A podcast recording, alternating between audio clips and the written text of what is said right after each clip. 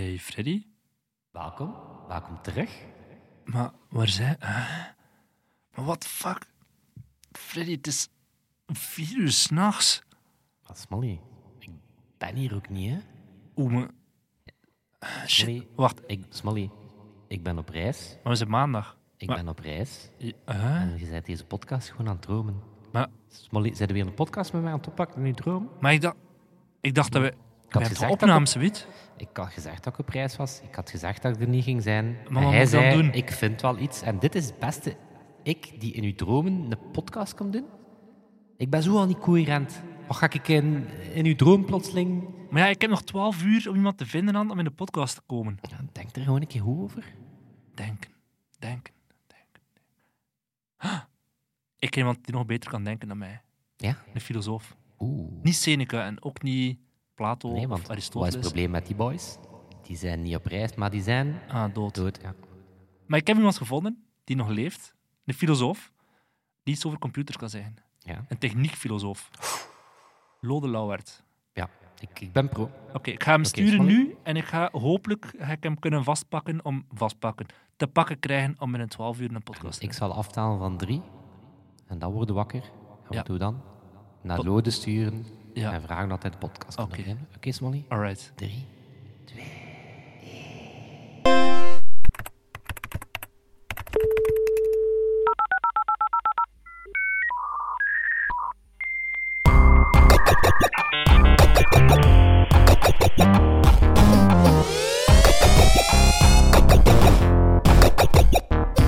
Computer Club.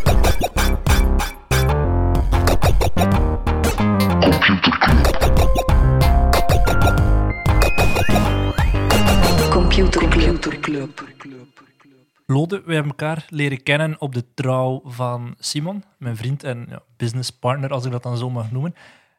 En ik vond dat heel frappant toen ik hoorde wat jouw beroep was. Jij studeert, of jij doseert liever, techniekfilosofie aan de KU Leuven. Wat moet ik mij voorstellen bij eh, techniekfilosofie? Ja, maar ik kunt u er eigenlijk heel veel bij voorstellen, Thomas. Ehm, goh, ehm, de vraag is natuurlijk is, wat is dat eigenlijk filosofie? En wat is dat is zo meteen een filosofisch antwoord, Dat natuurlijk. Ik weet het, ik weet het. Kijk, ik ga dus niet zo op die manier gaan. Ehm techniekfilosofie, laten we zeggen, het gaat eigenlijk over techniek, of laten we zeggen technologie.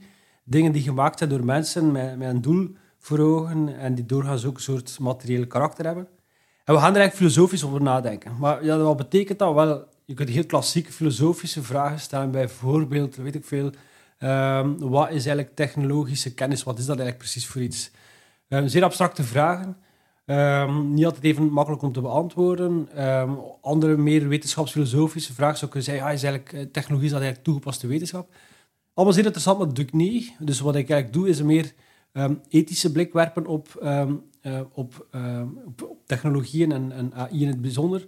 Eh, ja, dus dat we zeggen op een moraal-filosofische manier erover nadenken. Dat wil zeggen, ehm, ik stel mij bepaalde vragen die te maken hebben met... Ja, is dit, het ontwikkelen van deze technologie, is dat eigenlijk iets, iets dat wenselijk is, dat iets eigenlijk onwenselijk is, dat dat moreel problematisch is, is dat of niet? Is die technologie moreel geladen, is dat moreel neutraal, enzovoort. Dat is eigenlijk, ja, meer heel kort samengevat wat dat techniekfilosofie, of techniek-ethiek dan.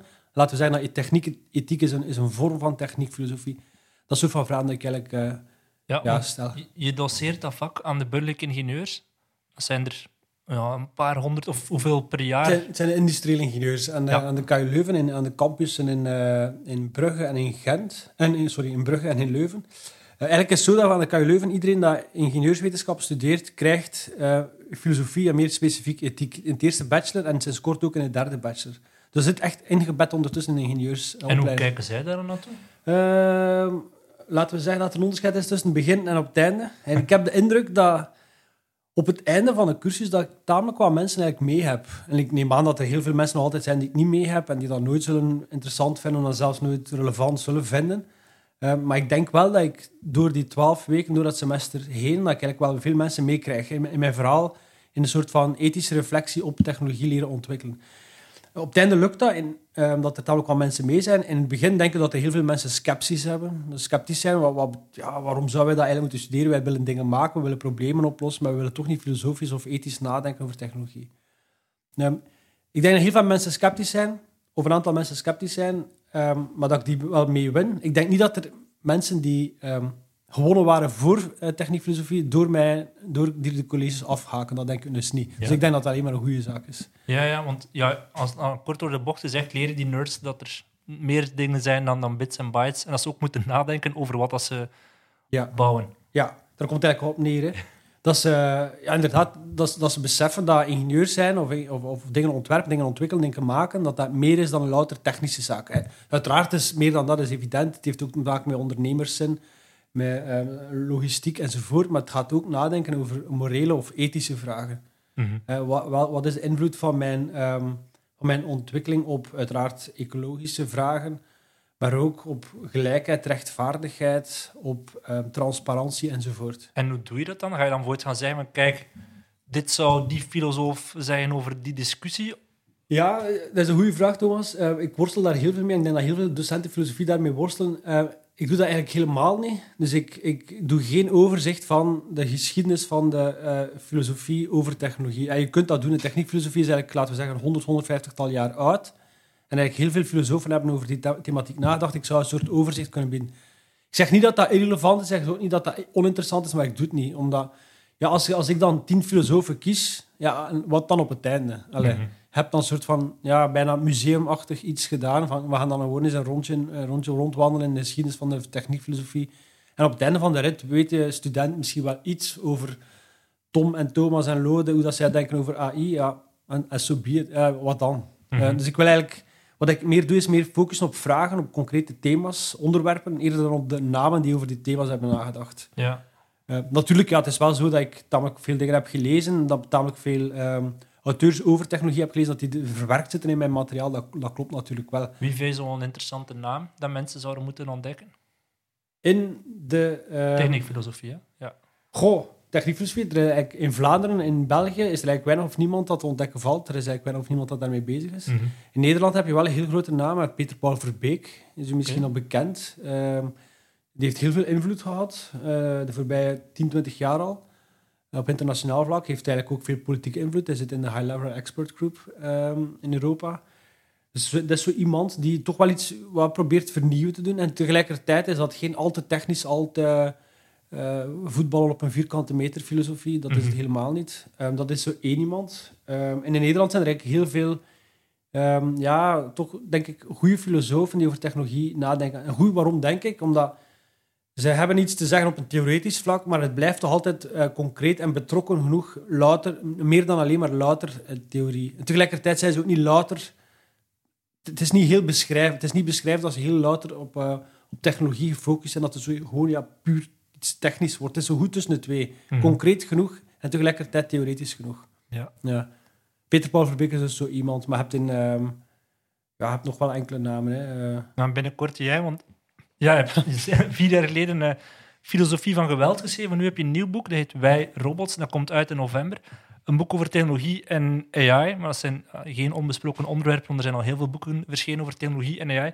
Maar ik vind wel dat je ze benadert op een, op een originele manier. Eh, Want we hebben het vaak over wat kan AI betekenen voor ondernemingen, wat kan het betekenen, impact op de economie en, enzovoort. Maar jij gaat dan die, die filosofie centraal gaan stellen aan de hand van een aantal vragen die je oproept en die, die je probeert te argumenteren. En de, ja, de meest interessante is ook degene waarmee dat je begint. Allee, in mijn ogen de meest interessante. Ja. Dat is technologie, is dat neutraal, ja of nee? Ja. Want dat is een, heel veel voorstanders. Ik heb zelf het boek mogen ghostwriten van Thierry Geerts van Google. En die Mhm. vertrekt ook vanuit de stelling technologie is neutraal. Ik weet het. En dan ga jij gaan argumenteren of dat, dat wel of niet klopt. Ja, het is goed dat je Thierry Heers aanhaalt. Ik heb inderdaad, bij dat eerste hoofdstuk heb ik hem als voorbeeld, of een citaat uit zijn, uit zijn boek gegeven als voorbeeld van iemand die die, die, die, stelling verdedigt dat technologie inderdaad neutraal, Mhm, mhm. neutraal iets is. Maar voordat ik daarop inga, ehm kort nog iets over die drie stellingen. Ik, ik zou inderdaad filosofisch, ik denk na filosofisch over die thema's, of over technologie, eh, maar je kunt heel veel richtingen uitgaan. Ik heb me gefocust op drie stellingen. Waarom? Ik heb eigenlijk gemerkt door de, heen, de voorbije zes, zeven jaar dat ik nu eh, dat vak geef aan, aan die ingenieurs, dat er eigenlijk onder ingenieurs, maar ook onder filosofen, onder politici en ook journalisten, heel diep gewortelde, wijdverspreide overtuigingen zijn.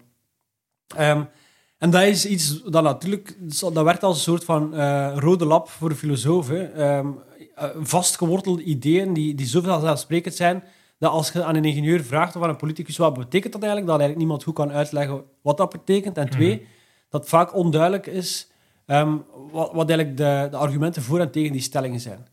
Dus wat ik eigenlijk telkens gedaan heb, van kijk, ik ga er eens drie uitpikken, waarvan dat ik denk dat ze niet te ver van onze bedshow eh, zijn. Welke Eh, zijn dat? dus eerst is technologie is neutraal. Tweede is dat eh, AI een disruptieve technologie is. Ik focus me wel op het, op het ethisch, maar straks meer er iets daarover. En drie, de derde stelling is dat eh, technologie de samenleving determineert. Ja. Dus wat kijkt, in- dus eigenlijk het, hoofdstuk, eh, het boek is opgedeeld in drie hoofdstukken en elk hoofdstuk heeft focust op één van die drie stellingen. Maar elk van de drie hoofdstukken heeft eigenlijk als het ware dezelfde derde, drie gelaagde structuur. Telkens heel beschrijvend. Ik vind het heel belangrijk dat, dat mensen als ze denken, denken te verkondigen die belangrijk zijn, dat ze eigenlijk goed weten wat ze vertellen. Mhm. Dus wat heb ik gedaan, is elk van die drie stellingen grondig de tijd genomen om die stellingen ehm, heel helder ehm, uit te leggen. Twee, meer, twee, meer evaluatieve blik erop werpen, dat we zeggen, ik kijk naar de argumenten. Ja, kijk, technologie is neutraal. Wat zijn eigenlijk uw argumenten? Mhm. En die argumenten eerst proberen beschrijven en dan vervolgens zelf met de voeten vooruit aanvallen. Waarom denk ik dat die stellingen eigenlijk nergens in geen enkel opzicht kloppen? En drie, elk hoofdstuk heb ik ook proberen uitleggen waarom dat ik denk dat het relevant is. Ja, je kunt denken, heel vaak filosofie, ja, het is, het is ja, tof, cool, interessant, ehm, leuk, eh, uitdagend enzovoort, maar, eh, maar op het einde van de dag doet er niet toe. Mhm. Wel, ik denk dat bij die drie stellingen er wel redenen zijn om te geloven dat te weten dat het niet ofwel neutraal is, dat dat ook wel relevant is. Ik bedoel, praktisch gezien, voor een AI-ontwikkelaar of voor een ingenieur. Ja. Moeten we een eerste anders keer bijnemen? Technologie is Ja, neutraal? Ehm, wel, zoals gezegd, je moet dat eigenlijk... ehm, ik, ik probeer dat te beschrijven. Dus als je, als je zegt technologie is neutraal, je kunt het eigenlijk op veel soorten manieren interpreteren. Ehm, een heel banale manier is dat natuurlijk onwaar. Technologie neutraal zou je kunnen interpreteren als... eh, el- elke technologie is ontworpen met een heel specifiek doel voor ogen, voor, voor precies dit en niet dat. En dus is het eigenlijk al niet meer neutraal. Ja, dat is, Iedereen weet dat, niemand gaat ontkennen, dus dat is eigenlijk een onnozele invulling. Maar je hebt twee andere invullingen en die, die meer interessant zijn. Je hebt eigenlijk een heel brede invulling van een neutraliteitsthese, zo noem ik dat dan. Dat is eigenlijk het enige technische term die ik probeer in te gebruiken. Neutraliteitsthese, een heel brede invulling, zou, zou kunnen zijn... Kijk, technologie staat los van ideologie, staat los van waarden, staat los van normen, van perspectieven, van stereotypen enzovoort. En dan een heel smalle invulling, en op die invulling eigenlijk concentreer ik mij, die luidt dat technologie losstaat van morele waarden. Ik denk dat geen enkele van die twee stellingen klopt. Dus dat, dat probeer ik uit te leggen. Ehm, maar tegelijkertijd denk ik niet dat zo is dat alle technologie geladen is met morele waarden of met perspectieven. Dus, Ja. dus probeer een soort van nuanceerde tussenpositie. Je hebt het ene uiterste, alle technologie is neutraal, versus alle technologie is niet neutraal of is dus geladen met normen en waarden enzovoort. Ik denk dat voor sommige technologie is geladen, maar niet allemaal. Ja. Ehm, laat ik op, dus ik, heb, ik focus op die smalle invulling. maar Laat ik eerst iets zeggen over die brede invulling. Eh, technologie staat los van stereotypen of van ideologie of van eh, normen enzovoort. Dat klopt gewoon niet. Er zijn heel veel technologieën die, on- die ontwikkeld zijn met een bepaalde, vanuit een bepaalde mindset, met een bepaalde doelgroep voor ogen, eh, bewust of onbewust. Vaak dan ja, de mannelijke... Ja, de man- Witte- mannelijke witte blik die erop Ja, kleeft. ja. Je hebt de scheermesjes die eh, ontworpen zijn, eh, ontworpen voor mannen. En dat betekent dat er een soort bijsluiter bij zit. Want als ze kapot zijn, dan kan iemand die herstellen. Terwijl de scheermesjes voor vrouwen, daar zit geen bijsluiter bij. De vrouwen kunnen dus niet ontstellen. En kunnen ze niet herstellen als ze kapot zijn. Wat is het achterliggende idee? Bewust of niet bewust? Mannen, echte mannen trouwens, die Mhm. kunnen eh, technologie eh, zelf herstellen. Vrouwen kunnen niet, die moeten dat aan de mannen uiteraard over. Ja, ja. Heel eenvoudig voorbeeld van, kijk, er plakt hier wel degelijk een oud, oudbollig wereldbeeld aan die technologie. En dan is dat nog een onschuldig voorbeeld, Ja. uiteraard, want het kan, we hebben het gezien bij facial recognition, die, of met AI eraan gekoppeld, die dan zegt van ah, mensen in de gevangenis in Amerika zijn sowieso zwarter dan, dan, dan, dan wit. Dus als we daar een AI op loslaten van is het een crimineel ja of nee, dat wij als twee witte mannen minder kans hebben om Ja. door een AI geclassificeerd te worden als Voilà. een crimineel dan een zwarte man van... eh, Ja. ja. Dus eigenlijk het idee van neutraliteit kun je in verband brengen met wat jij nu zegt, o- o- de, de, de problem- problematiek van bias en, en Ja. AI. Mhm. Dus die, die data waarmee je je systemen voedt zijn zodanig gekleurd dat je bijvoorbeeld je data alleen maar eh, haalt uit, uit de zwarte gemeenschappen of eh, enkel witte, gezichts, Mhm. witte gezichten, eh, foto's van witte gezichten, eh, daarmee je, je systeem voedt, waardoor dat bijvoorbeeld ehm, je, je beslissingen in een bepaalde richting geduwd worden voor blank of voor witte mensen en tegen zwarte mensen enzovoort. Maar is daarom de technologie op zich niet neutraal of waar gedaan, of gewoon dat ene specifieke algoritme? Ehm, wat, je zou kunnen zeggen, eh, een combinatie van beiden. Eh, ik denk dat het gaat, dat gaat ook over de data zelf natuurlijk. hè. Dus als je, da- je data kunnen zodanig divers zijn, zodanig dat die algoritme, of als je data een goede weerspiegeling is, laten we het zo zeggen, van de totale leefgemeenschap, van de totale samenleving, dan denk ik dat dat een goede reden is om te geloven dat je technologie zelf niet meer ehm Ja. eh, gebiased of gekleurd zal zijn. Nu, is uw algoritme, uw technologie... Ik versta dat algoritme wel degelijk... Allee, Mhm. Dat is natuurlijk een weer te- heel technische discussie, maar ik denk dat... Ik, ik beschouw die, dat algoritme zelf als, als, als een technologie zelf, of als Ja. een deel van de technologie. Ja.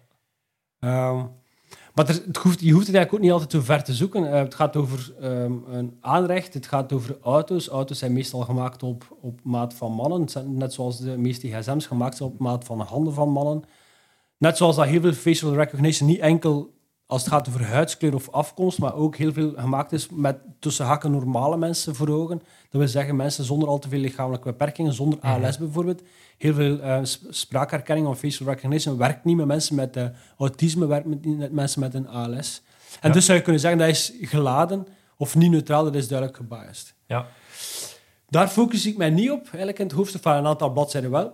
Wat ik wel doe, is mij focussen op de idee dat technologie losstaat van iets heel specifiek, niet van, van, van stereotypen enzovoort, maar wel van waarden en meer bepaald morele waarden. Mhm. Waarom? Omdat natuurlijk ja, de morele waarden, dat is, iets, dat is precies de thematiek waar een filosoof of een ethicus zich eh, kan overbuigen, of wat zijn of haar eh interessedomein is. En morele waarden, waaronder versta ik dat? Wel, eh, of wat versta ik daaronder? Wel, ehm, ja, je hebt waarden, je hebt morele duidelijk, je hebt niet-morele waarden. Efficiëntie of accuraatheid is duidelijk een, een waarde voor een ingenieur, het ontwikkelen van een AI-systeem, maar dat is geen, moraal, geen moreel karakter. Het gaat over morele waarden, dus duurzaamheid, sustainability, ehm, privacy, autonomie, rechtvaardigheid, gelijkheid, respect enzovoort. Alles, allemaal zaken Mhm. waarvan dat een, ehm, velen dus zeggen, of, of een klassieke invulling dus van de neutraliteit steeds luidt, kijk, technologie, daarin steken geen morele waarden. Dus daar zit geen idee, als het ware, van rechtvaardigheid in gebakken. Mhm. Ja, ik denk dat dat klopt voor een tal van technologieën, laten we zeggen van de meer basale vormen van technologie. Elektriciteit. Elektriciteit zou zoiets kunnen zijn, maar ook een hamer bijvoorbeeld. Mhm. ik, ik, ik heb hier wel een heel brede opvatting van technologie. Ja, ja. Maar, ehm, of een boormachine of een auto. Een auto denk ik dat ook gewoon een auto kan zijn, los van om het even welke morele waarde. Of dat dan nu wenselijk of onwenselijk is, dat is weer iets anders. Maar heel basale technologie kunnen denk ik begrepen worden zonder te verwijzen naar de idee van een morele waarde. Maar, en dat is trouwens niet uniek voor technologie, er zijn ook heel veel handelingen. ehm, zoals fietsen bijvoorbeeld, van punt A naar punt B. Dat kan gewoon totaal moreel neutraal zijn Mhm. heel veel handelingen, ehm, heel veel dingen die wij maken zijn denk ik niet moreel geladen, maar tegelijkertijd zijn er ook heel veel dingen die wel moreel geladen zijn. Iemand vermoorden.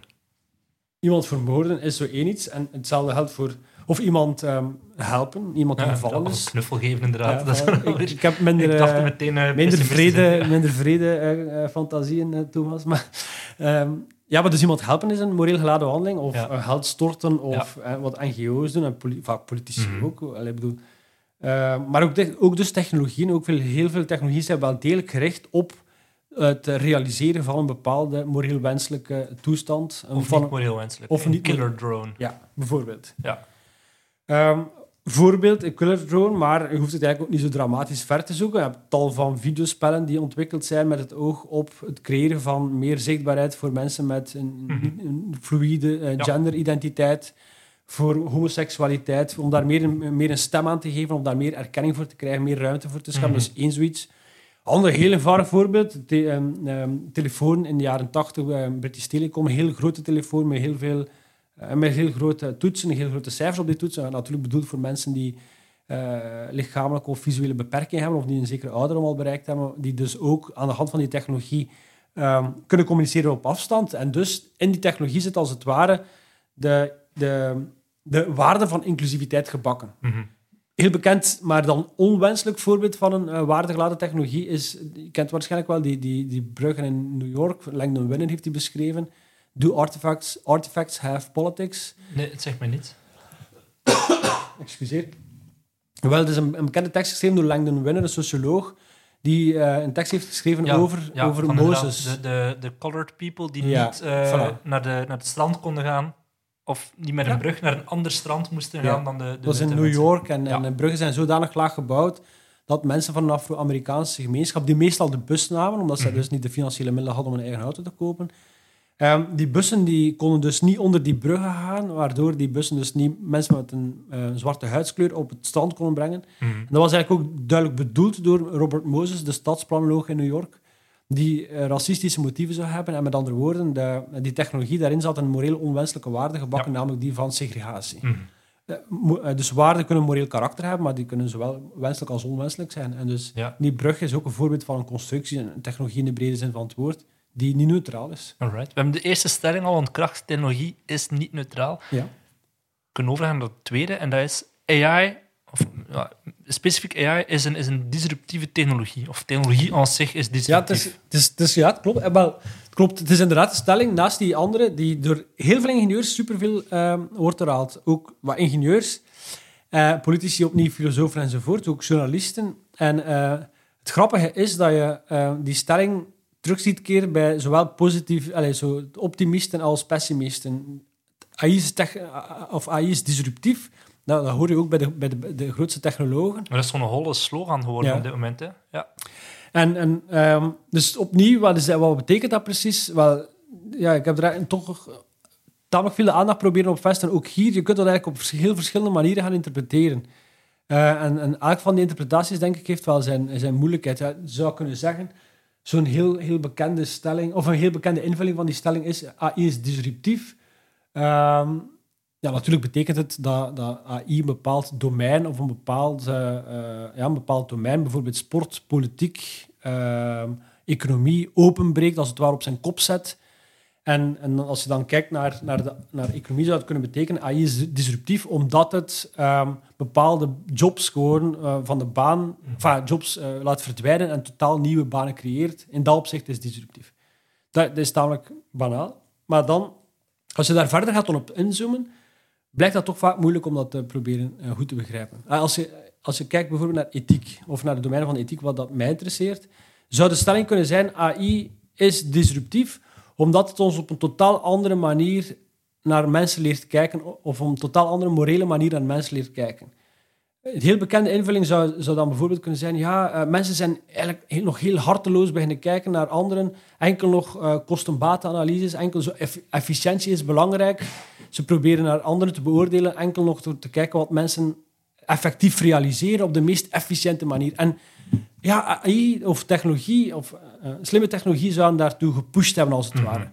Dus eh, oude manieren van morele, ehm, of oude manieren om naar mensen te kijken, die zijn als het ware verdwenen. Vroeger werden mensen beoordeeld op basis van goede bedoelingen, of het feit dat ze al dan niet de wetten volgen. Nee, vandaag de dag moet alles zeer efficiënt zijn. En wordt enkel gekeken naar de effecten van, van handelingen. En, En- en klopt dat zou dat? veranderd zijn door, door dingen. Wel, klopt het of niet? Ik wil gewoon maar zeggen, ehm, die heel specifieke invulling, die is zeer populair bij heel veel te- techniekpessimisten.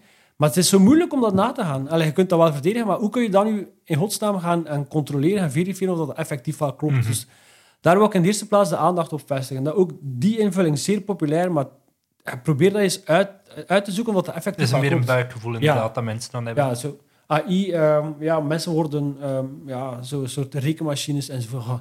Mhm. Daar krijg je dus de creeps van. Als je, dat- je weet eigenlijk niet goed wat dat wil zeggen, laat staan dat je goed kunt weten waarover, hoe dat je dat kunt controleren. Wat, Ja. dat- wat ik doe is, ik heb in het hoofdstuk mij daarna eh, gefocust op een heel specifieke, denk ik, vrij basale invulling van die, wat ik dan noem, disruptiethese. Dus het AI ehm, ontwricht een bepaald domein, namelijk het domein van de ethiek, op een heel specifieke manier. Namelijk, de stelling is dat het ehm, totaal nieuwe morele problemen creëert. Dus zo zou je de disruptieve invulling van, of de disruptiethese kunnen invullen. AI creëert totaal nieuwe morele problemen. Ik denk dat dat manifest onwaar is. Dus ik denk dat Ja, als je dan zo advocaat van de duivel kan spelen, kan het toch zeggen, ja, jawel, je krijgt toch problemen over... Ja, het, het trolleyprobleem van vroeger wordt nu plots heel reëel met zelfrijdende auto. Stel dat je met een auto, zelfrijdende auto op straat rijdt eh, en er komt plots een oud vrouwtje voor de auto. Wie, wie red je? De oud vrouwtje of de bestuurder? Dat is een probleem dat nu echt gewoon heel concreet wordt door AI. Of zeg je, dat is, nee, dat is gewoon een oud probleem dat een Ja. nieuwe invulling krijgt. Ja, het trolleyprobleem is niet ons. eh, Het trolleyprobleem van de gedacht, dat gedachte-experiment is niet ontstaan op basis van AI. Mhm, Dat is gewoon een heel oud gedachte-experiment. Ik denk al uit de jaren 70 of Ja. 80. Nog voor eh, dat eigenlijk AI, eh, zoals we het vandaag de dag heel commercieel kennen, wordt, eh, werd gebruikt. En dat gaat eigenlijk gewoon over, ja, ehm, ik moet keuzes maken, ik moet een moreel moeilijke keuze, ik heb echt Ja. een moreel dilemma, ik moet een moreel moeilijke keuze maken, maar ja, dat is natuurlijk geen nieuw probleem, Mhm. dat is een Mhm. oud, dat is gewoon een oud probleem dat nu... Maar zijn er geen problemen die door, of, of ethische vraagstukken die opgekomen zijn door AI? Wel, ik, ik heb het hoofdstuk, noem, het hoofdstuk noemt de zeven hoofdzonden van AI. En Mhm. ehm, eigenlijk, je zou, of wat ik gedaan heb, is gekeken naar de zeven problemen waarvan vaak wordt gezegd of dat dat de belangrijkste ethische moeilijkheden zijn met AI. Misbruik, privacy, bias, eh, transparantie, ecologie ehm, en security of, of veiligheid en dan tot slot verantwoordelijkheid. Mhm. De eerste zes, niet verantwoordelijk, maar de eerste zes, ik denk, we moeten duidelijk zijn, al die zes die problemen, dat zijn grote problemen die AI creëert. Ik denk dat AI duidelijk problemen, dat weten we allemaal, van bias, van eh, ecologie ondertussen, we weten ook van, ehm, van, van safety, ehm, ook van ehm, sustainability enzovoort. Mhm. We weten dat die zes problemen zich voordoen. We weten ook dat die wellicht zich op grotere schaal kunnen voordoen dan de wereld vooral dat er eh, AI werd geïntroduceerd. Maar het, zijn gewoon, het is gewoon eh, oude wijnen, nieuwe vaten. Mhm. Ik denk dat geen, laten we, om het wat filosofisch, of om in de term van een filosoof uit te drukken, dat het gewoon een graduele verschuiving is. Het is gewoon een sterkere toename. Het is gewoon geen discontinue breuk. Het is niet Ja. dat er iets totaal nieuws ontstaan is dan in vergelijking met de wereld voor AI. Ehm, En dan die zevende. maar die zevende, dus die, die zevende is wel interessant en daar heb ik heel lange tijd bij stilgestaan. Wat is eigenlijk daar de gedachte? Sommige mensen, filosofen en niet-filosofen, denken dat door de introductie van hyper geavanceerde autonome AI-systemen ehm, ontstaat er een soort van ehm, responsibility gap, noemt men dat. Ja, kijk, als je zulke killerrobots gebruikt of autonome wagens gebruikt, ehm, en er gebeurt een probleem of, er, of, of ze maken een fout, ze, ze doden een burger, ze rijden een burger omver, ehm, die is dood. Wie ga je dan verantwoordelijk stellen? ja, is dat dan de developer of... Ja, Ja. en, dus, en sommigen beweren, ja, je kunt eigenlijk niemand niet meer eh, verantwoordelijk gaan houden. Die systeem, en het argument is, kijk, er is een gap, er is een kloof in de verantwoordelijkheid, want, argument, er is geen controle meer. Op het ogenblik dat, de- dat het systeem beslist, kan er iemand die er nog iets aan doen. Dat, dat systeem is zodanig grap, je kunt zelfs niet meer ingrijpen, dat er dus een controleverlies is. Ehm, ik vind dat eigenlijk, dat is eigenlijk het meest filosofische deel van het boek, denk ik. Ehm, ik denk dat dat niet klopt. Dus wat, is, wat lijkt de gedachte te zijn? Controle is eigenlijk noodzakelijk om iemand verantwoordelijk te houden. Ehm, en dat lijkt als het ware in onze ja, hypermoderne, hyperindividualistische manier van, eh, van denken ingebakken te zitten. Controle is belangrijk. Want dat is eigenlijk, ja, wij vinden controle belangrijk. We zijn allemaal hypermodern, we zijn waarschijnlijk allemaal hyperindividualistisch. Maar toch, onze morele intuïtie op de dagdagelijkse morele praktijk toont, controle is niet zo belangrijk dat wij denken dat het is. Als ik bijvoorbeeld een epilepsiepatiënt zou zijn eh, en ik zou eh, naar buiten rijden en en ik zou naar, naar, naar, naartoe willen gaan en ik beslis om de wagen te nemen en ik weet dat ik patiënt ben, ik weet ook dat ik dus een epilepsieaanval kan krijgen. Ik kruip toch in mijn wagen en na tien minuten eh, word ik overmand door een aanval. Controle verlies ik over het stuur. Ik krijg iemand aan, die persoon is geschaad, erger nog in het ziekenhuis, erger nog sterft.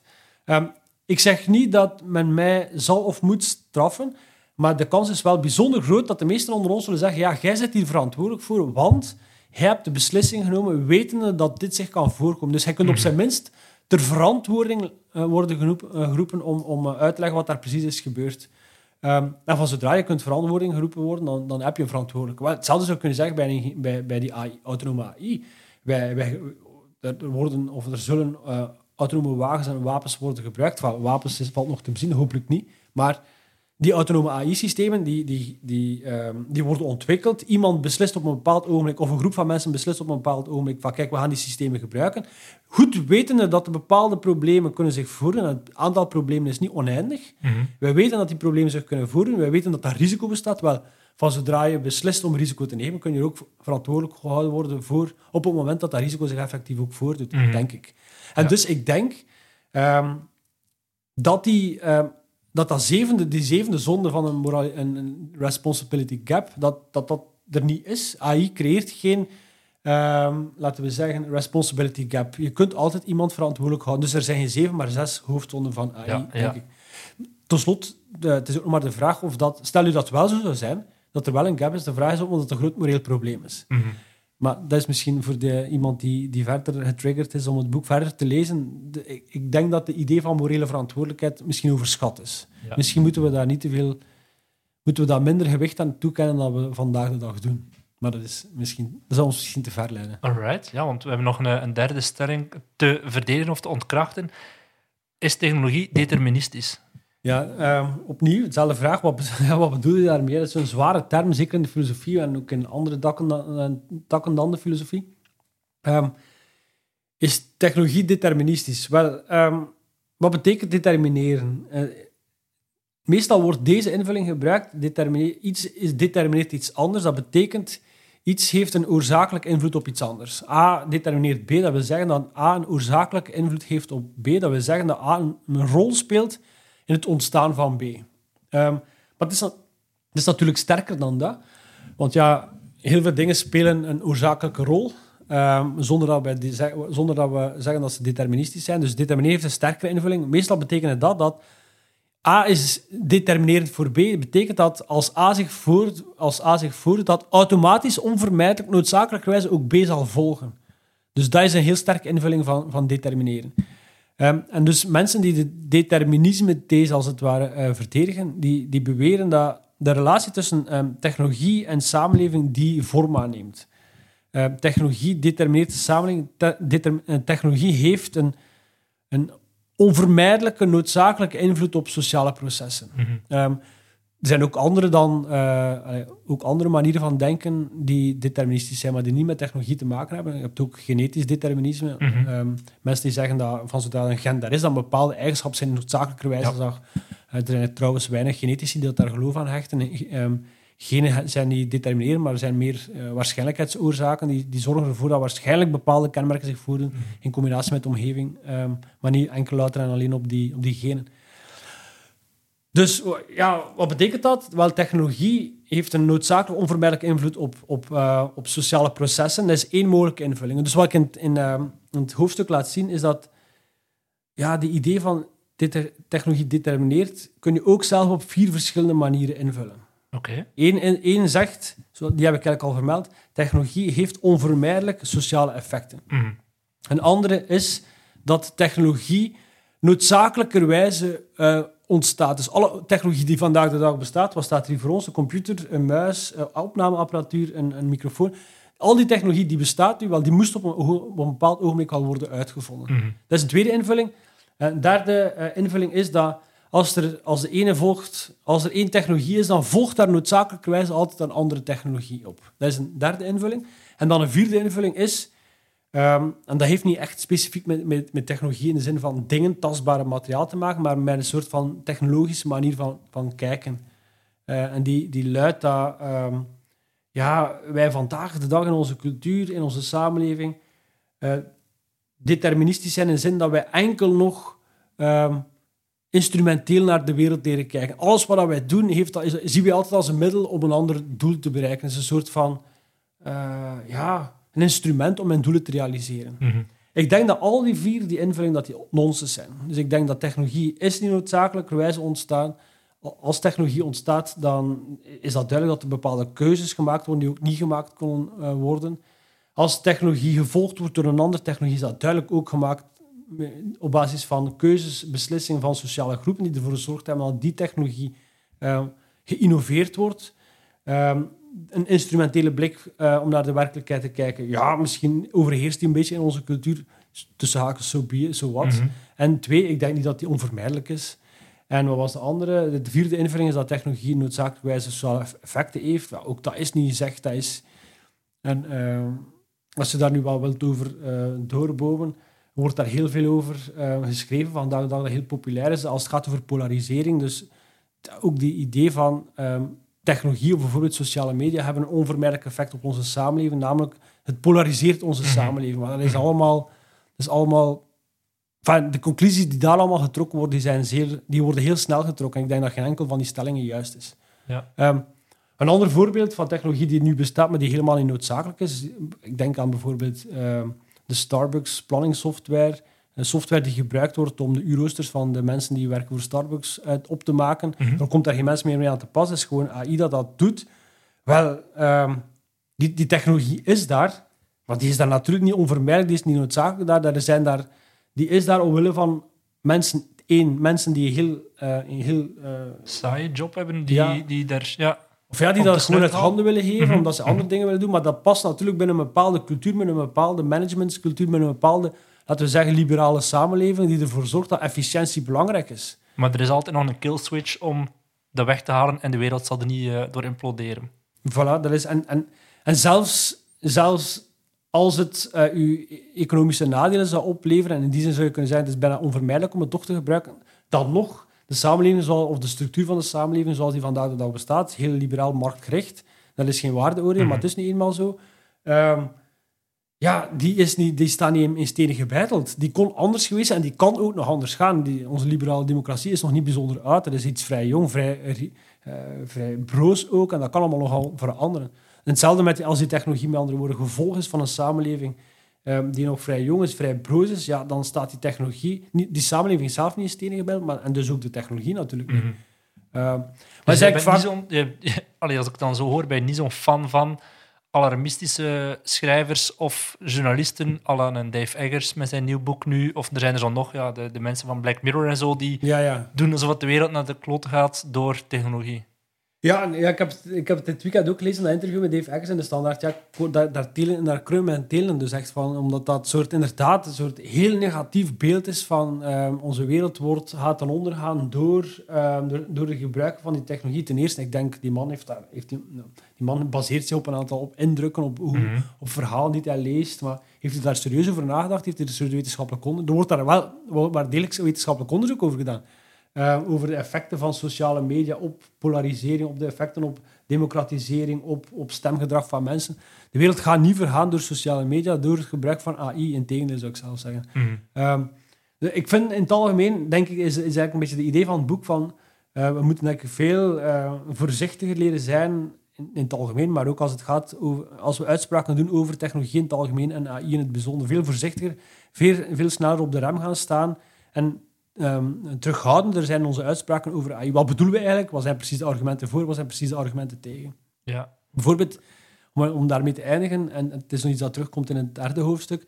hè, Alle technologie is iets dat noodzakelijkerwijze ontstaat. Dat kon niet anders dan dat er gekomen zijn. Een soort van deterministische denktrand, die je ook trouwens vindt bij de, bij de, in een, een van de CEO's van Google van vroeger. Zwat. Ehm, en wat is eigenlijk vaak de argument? Ja, kijk, al die technologieën die nu ehm, bestaan, die moesten wel ontstaan zijn, want ze zijn eigenlijk tegelijkertijd op verschillende plaatsen ontwikkeld. Ja, Mhm. dat is...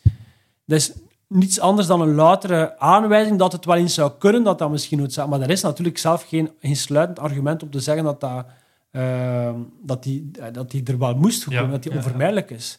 Ehm, het is niet omdat iets op verschillende plaatsen ontstaat, dat het er wel moest gekomen zijn. Mhm. En het kan gewoon zijn dat het, dat het systeem of dat de situatie... toeval, eh, ja, ja. Of puur toeval, of...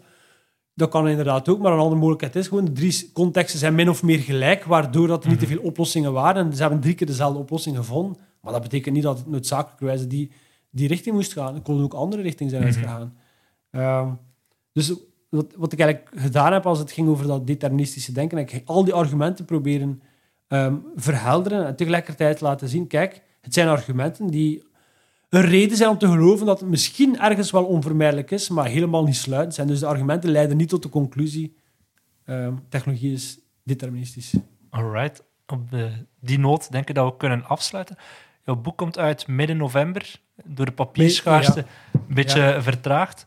Maar ik ben uh, als heel erg benieuwd. Het heet...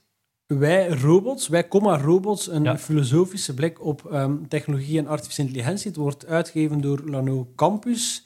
Eh, het is vormgegeven door Chloe Douwe, heel mooi, zwart-wit eh, cover. Ehm, Alright. en ik denk dat we misschien ook wel een exemplaar kunnen wegschenken. Ja, top. Ik denk dat we nog gaan moeten nadenken over hoe dat we dat precies gaan doen. Maar eh, dat zal via de sociale media van Computerclub zullen we dat dan een, een passende wedstrijd voor bedenken. Om dat zoveel mogelijk ja, mensen te laten meedoen. graag. Zeer fijn. Het was heel erg tof dat je hier was. Ja, zeg jij bedankt, Thomas. Merci. Ja, Tot, tot de volgende keer. tot de volgende.